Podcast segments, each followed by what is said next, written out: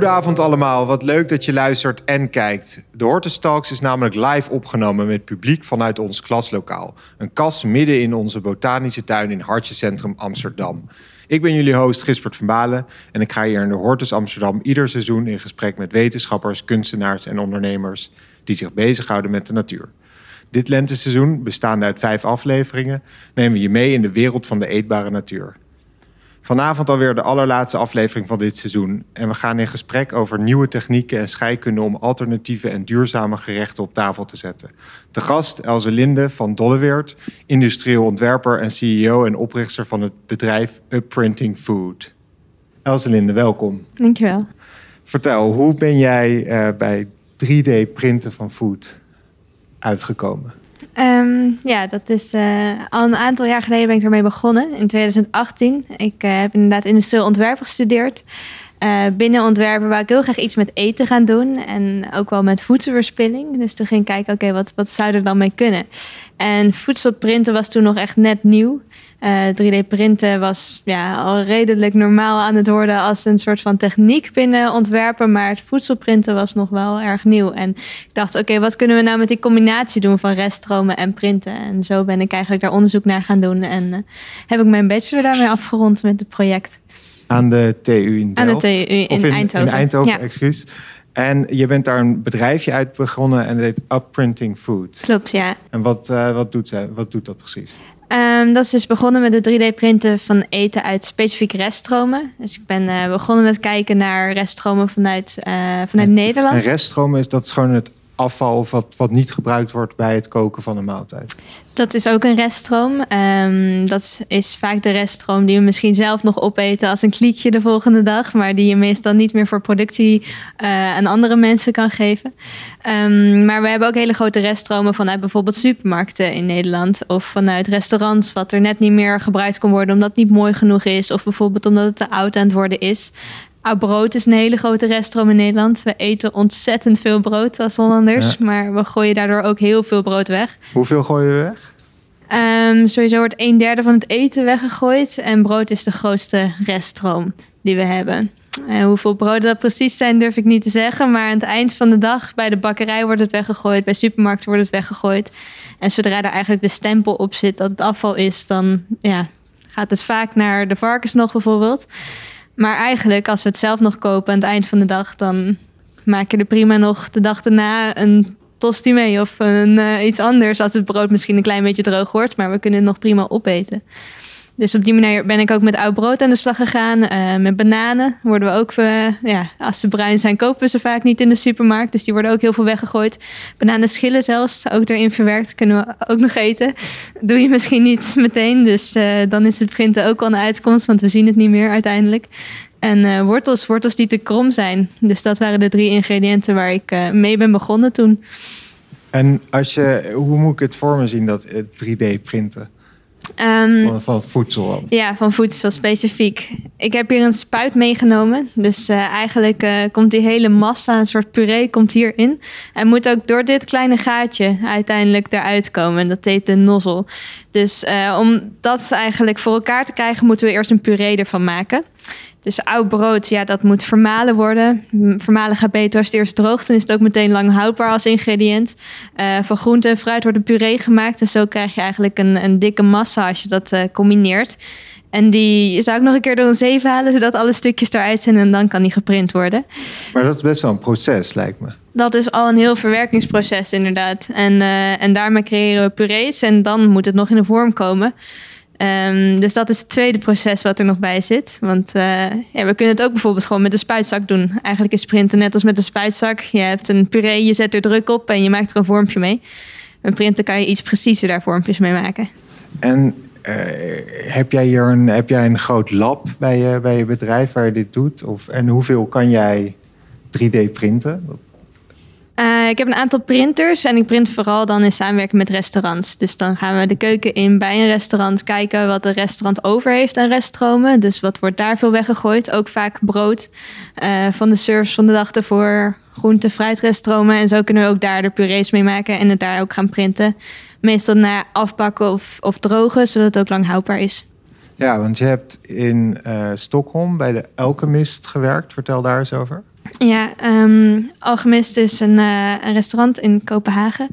Oh, eh, Kopenhagen, sorry. Het is een twee-sterren restaurant en het is vrij eh, uniek in zijn soort.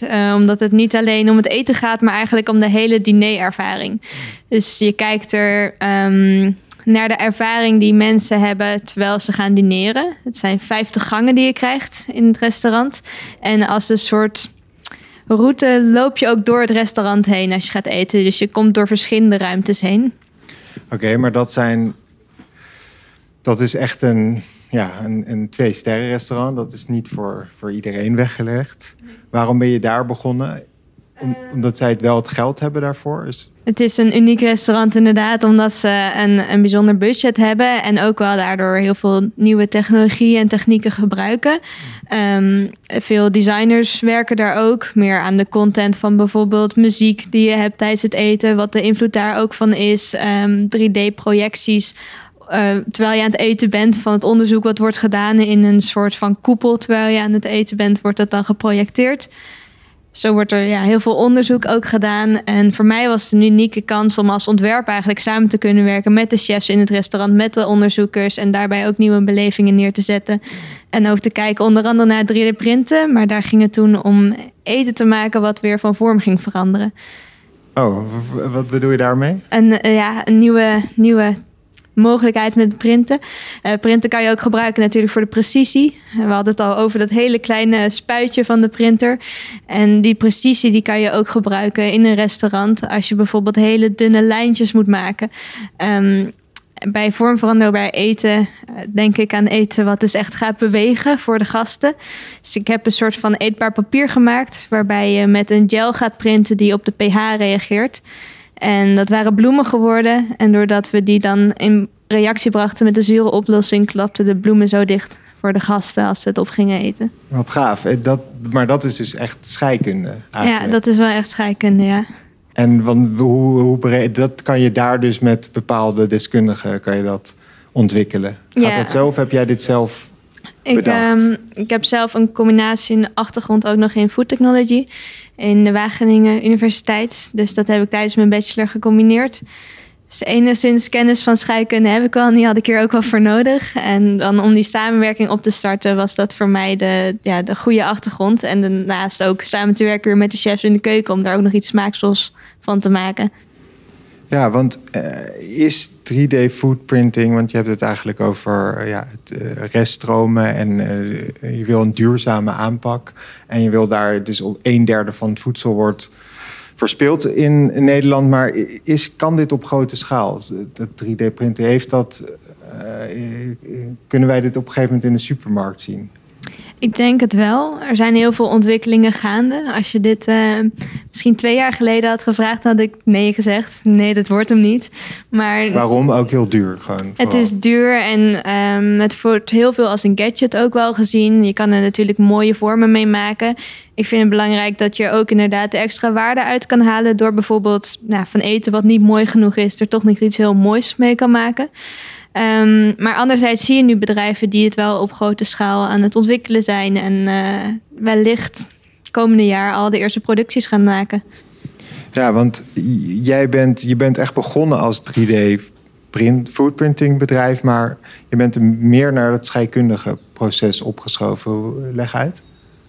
Dat klopt, ja. Ehm, ik kreeg zelf heel veel. eh, eigenlijk wat ik het leukste vind aan mijn werk is de samenwerking met de chefs in het restaurant. En dan ook kijken naar de beleving van de gast bijvoorbeeld. Maar ook echt naar wat kunnen we nou met ingrediënten? Hoe kunnen we er nieuwe waarden uithalen?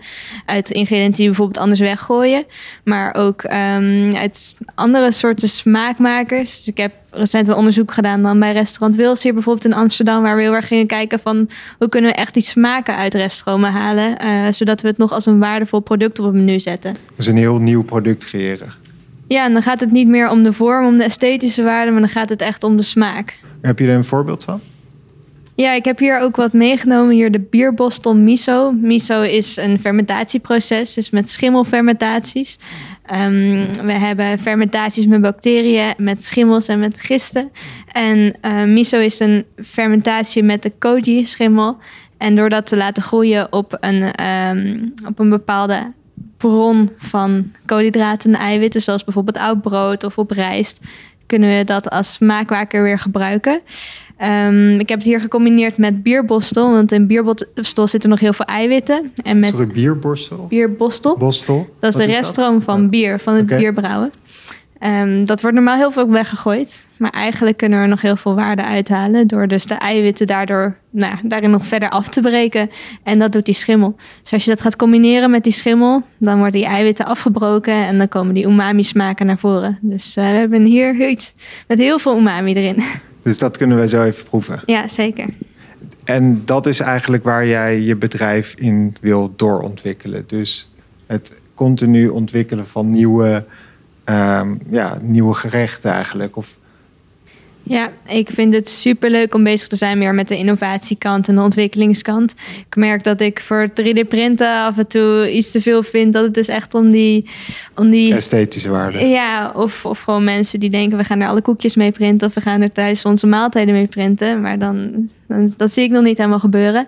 Dus dan. Ja. Is dat nou die 3D-printer? Want nou ja, wat, wat hoe lang bestaat dat? Tien jaar, denk ik, of zo? Een 3D-printer in het algemeen en dan een foodprinter vijf jaar?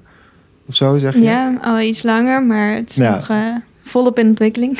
En is dat nou iets wat we uiteindelijk thuis gaan krijgen, dat soort dingen? Of is het inderdaad, blijft het een gadget?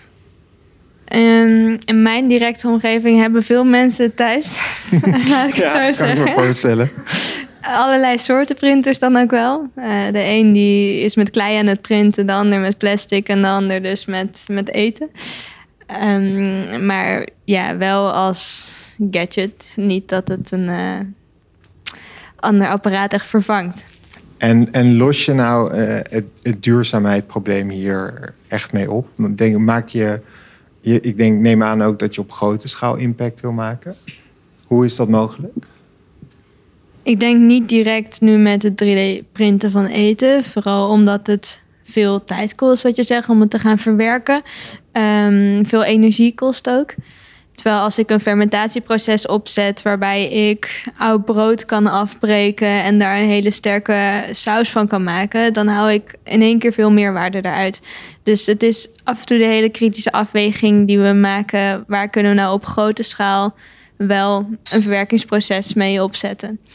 Ehm, en vanuit een bakkerij, als je ziet hoeveel oud brood er wordt weggegooid, dan dat wil een bakker ook niet zelf allemaal door zo'n printer heen halen. Nee. Maar, eh, en op, op grote schaal is het dus een derde van de voedselproductie die wij in of voedselproductie in Nederland wordt weggegooid.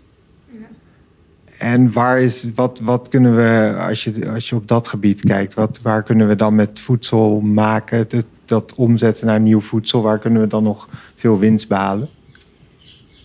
De eerste vraag is waarom zien we het als reststroom? Want heel veel eten is eigenlijk nog zo goed te consumeren dat het ja, raar is dat we het Ja. weggooien en dat het die stempel krijgt. Waarom doen we dat dan? Naar, naar jou, zit je een beetje in die industrie nu? Of? Ik heb af en toe wel ehm, contact met supermarkten bijvoorbeeld daarover. En dat zijn natuurlijk ja, regelgeving die ze, die binnen de supermarkt. Je ziet wel dat er echt een, ehm, dat er goede stappen in worden gezet nu ook.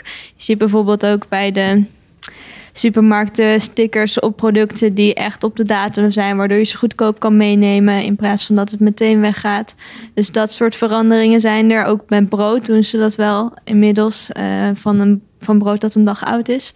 Dus ik denk dat er wel veranderingen gaande zijn, maar het is eh, meer gedragsveranderingen heb ik het idee dan Ja. dat het per se allemaal weg moet. Ja, want als je heel cynisch kan denken, denk je ook gewoon hoe sneller het weer weg is, hoe sneller nieuwe productie gemaakt wordt en ingekocht kan worden. Ja. Is het zo'n spelletje? Ja, en bijvoorbeeld als je een zak appels hebt waarin één slechte appel zit, dan zou ik denken: haal die slechte appel eruit en gooi de rest op de stapel met de appels die nog verkocht kunnen worden, zeg maar. Alleen dan als losse appels. Maar dat kan dan niet vanwege de logistiek en, en hoe ze dat binnen het computersysteem moeten bijhouden in zo'n supermarkt. Dus Ja, oké. Want er zijn ook er zijn initiatieven geweest van dat soort extra supermarkten waar je dan met waar een beetje de, de misfits komen te liggen, maar het is allemaal zo klein. Maar goed, terug naar jouw verhaal. Jij bent jij doet nog het meeste onderzoek met sterrenrestaurants, ook omdat daar denk ik ja, veel ehm, wordt daar veel, daar is de kennis denk ik ook meer dan in het middensegment. Wanneer gaat, denk je, de jouw onderzoeken ook doorcijpelen naar dat middensegment? Waar denk ik meer winst te behalen is. Winst in... Duur, op duurzaamheid, in, in voedselverspilling. Ik denk dat het nu ook enigszins een trend is. Een trend die vanuit bijvoorbeeld Scandinavië, dat chefs zien, oh, het is uh, heel erg interessant wat er allemaal gebeurt door onderzoek en ontwikkeling te doen.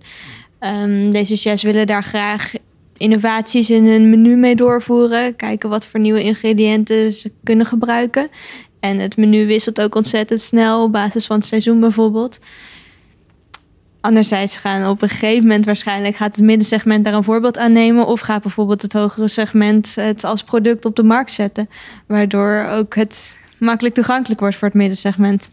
Ben jij, ehm, eh, denk je ook aan een soort van kookboek? Hoe kunnen wij dit thuis doen, wij hier, als, simpele burgers? kunnen, kunnen wij iets met onze bananenschillen doen en ons Zeker. oud brood? Ik denk dat er al wel uh, heel veel recepten op internet staan. Om uh, bananenschillen en misschien iets minder. Uh, oud brood, ja, um, sowieso het natuurlijk gewoon nog opeten als, als getoastbrood of als een tosti of anders de paneermeel van maken. Um, een cake mee bakken als, als het meel eigenlijk verwerken. Ben je ook bezig met een kookboek toevallig? Van de dingen die je tot nu toe hebt gemaakt? Nee, nee toevallig niet. Met welk project ben je nu bezig?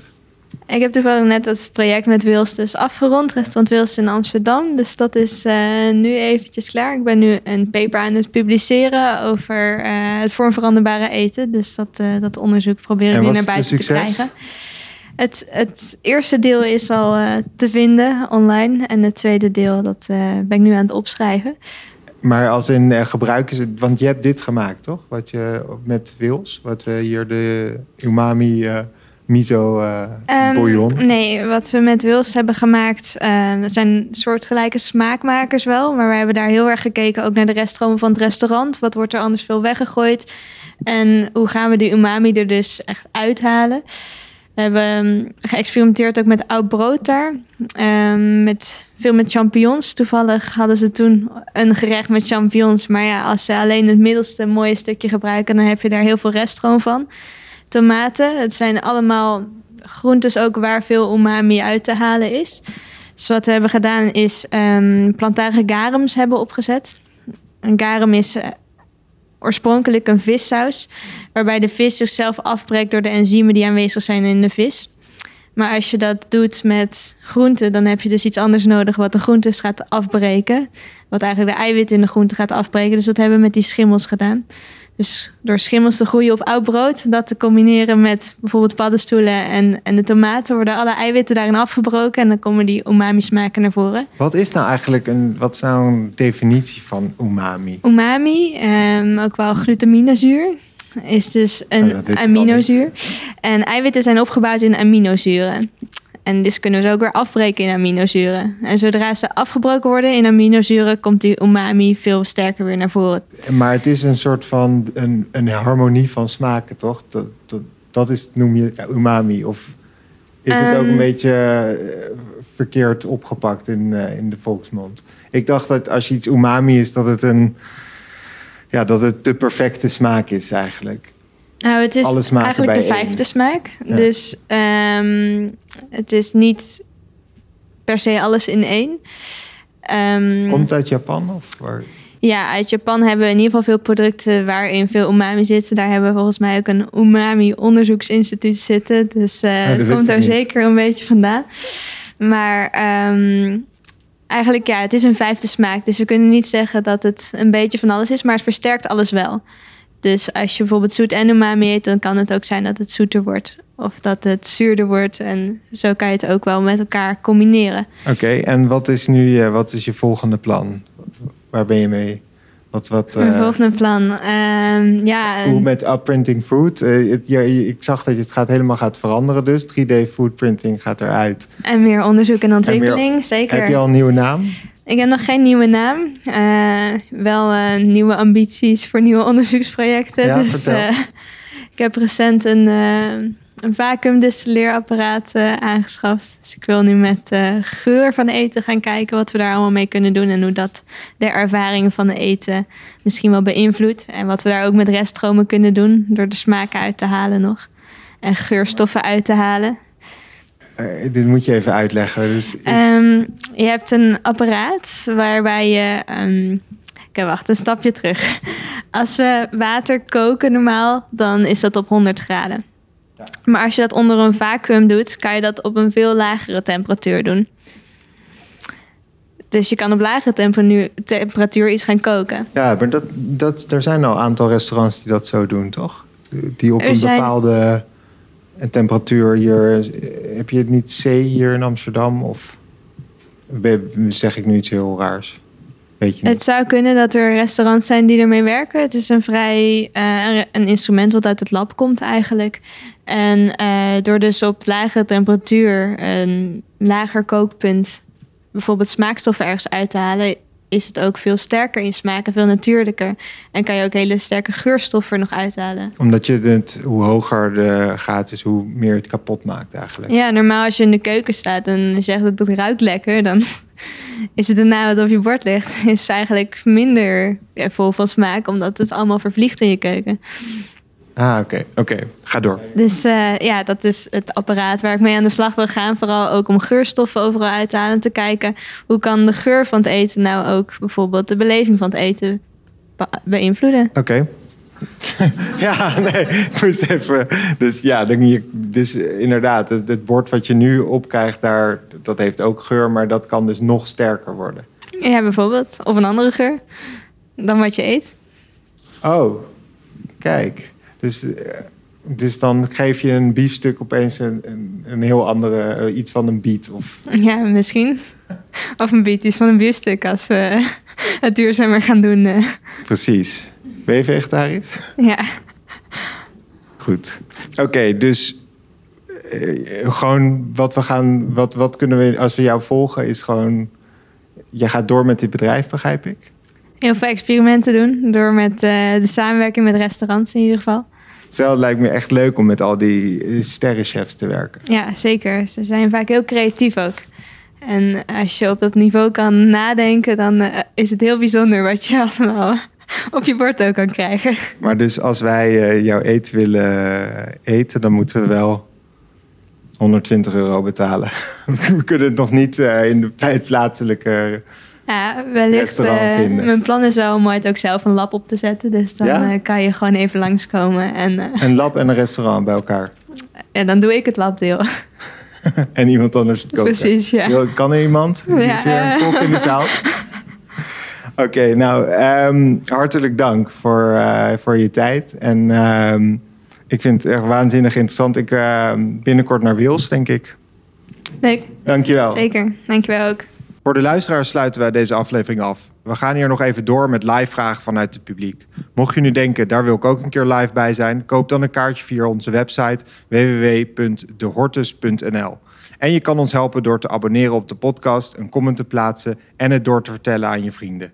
Ook kan je ons volgen op Instagram, @hortusamsterdam voor updates uit de tuin. Bedankt voor het luisteren allemaal en tot de volgende keer.